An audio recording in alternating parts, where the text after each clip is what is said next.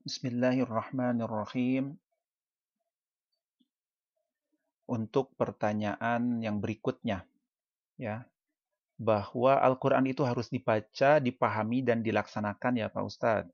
Apakah sebaiknya membaca beberapa ayat secara berurutan dan juga artinya, atau membaca Al-Quran berdasarkan kebutuhan pada saat ini? Menurut Pak Ustadz bagaimana? Ya, jadi sekali lagi berkenaan dengan masalah Al-Quran, ini jelas Al-Quran itu uh, sesuai dengan kajian yang sudah kita laksanakan di dalam Al-Imanu bil Quran, itu adalah pertama tilawatan. Ya, itu kita salah satu cara untuk berinteraksi dengan Al-Quran itu adalah kita harus membacanya. Dan yang kedua adalah uh, berkenaan dengan masalah uh, fahman yaitu bagaimana kita memahami ya ayat-ayat yang kita baca dengan cara mentadaburinya. Dan yang berikutnya adalah tatbiqan wa hifzon. Bagaimana sesuatu yang sudah kita pahami tersebut, maka langkah berikutnya adalah melaksanakannya. Ya, itu adalah eh, tahapan-tahapan uh, di dalam di dalam interaksi kita dengan dengan Al-Qur'an. Nah, sekarang pertanyaannya adalah apakah sebaiknya membaca beberapa ayat secara berurut, berurutan dan juga artinya atau membaca Al-Qur'an berdasarkan kebutuhan pada saat ini. Jadi begini, pertama ya, berkenaan dengan masalah tilawah ini menjadi salah satu sunnah muakkadah. Ya, artinya sunnah tetapi ini yang sangat dianjurkan oleh Rasulullah wasallam. Bahkan Rasulullah SAW sampai mengatakan di dalam salah satu hadisnya, orang yang menyelesaikan ataupun menghatamkan Al-Quran ya dalam satu bulan itu sudah dianggap menjadi orang yang malas. Bayangkan ya, subhanallah coba.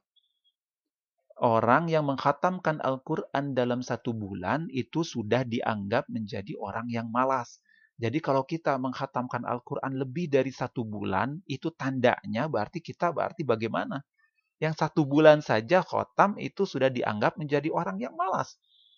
Nah, oleh karena itu, ikhwatifillah rahimakumullah, ya, jadi artinya begini, berkenaan dengan masalah bacaan, artinya tetap ya kita itu mencoba minimal lah tadi kata saya tadi berkenaan dengan masalah tilawah itu targetan kita mau di Ramadan atau di luar Ramadan itu minimal lah minimal satu hari itu satu juz. Sehingga dalam satu bulan memang kita sudah bisa mengkhatamkan Al-Quran. Meskipun itu pun sebetulnya kategorinya masih kategori malas ya.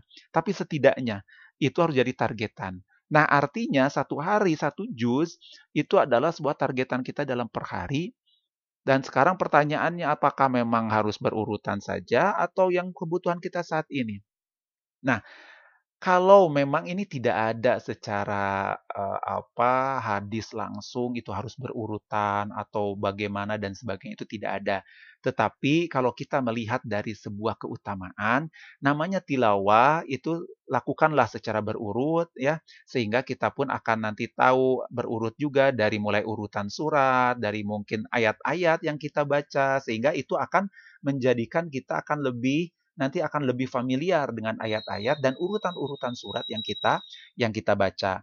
Nah, berkenaan dengan masalah tadabur atau kita ingin membaca terjemah dan sebagainya, nah ini mungkin sifatnya lebih opsional, lebih fleksibel. Artinya, ketika kita sekarang lagi membutuhkan satu suntikan ruhiyah, satu suntikan untuk menenangkan batin kita mungkin yang sedang bermasalah, hati kita yang sedang gundah, hati kita yang sedang gelisah.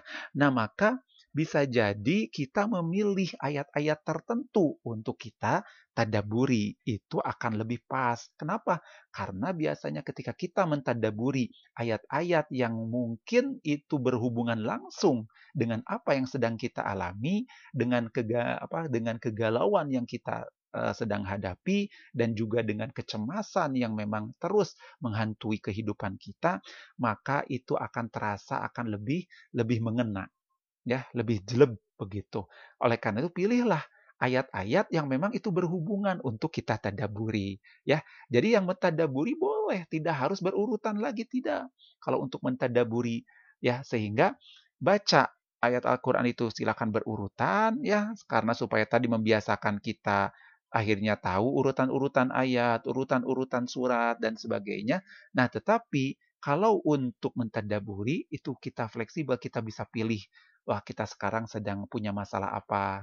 Sekarang kita sedang punya pertanyaan apa? Sedang punya keraguan apa? Sehingga kita cari ayat-ayat Al-Quran yang bisa memberikan inspirasi kepada kita, yang bisa memberikan jawaban kepada kita terhadap permasalahan-permasalahan yang sedang kita yang sedang kita rasakan. Nah, tetapi kalau itu sudah selesai, maka kita silahkan apakah kita cari lagi yang tematis, tema-tema tertentu, atau kita akhirnya mau mengurut lagi, misalnya dari awal sampai akhir. Nah, itu sekali lagi itu sifatnya fleksibel. Tetapi memang kalau sekarang yang ada yang sedang ada yang kita butuhkan sekarang dan kita memang sedang menghadapinya problematika tersebut, maka saran saya lebih baik itu eh, apa pilihlah ayat-ayat yang memang itu ada hubungannya secara langsung dengan dengan diri kita sehingga kita minimal bisa mendapatkan inspirasi ataupun motivasi di dalam uh, cara untuk minimal untuk mencari solusi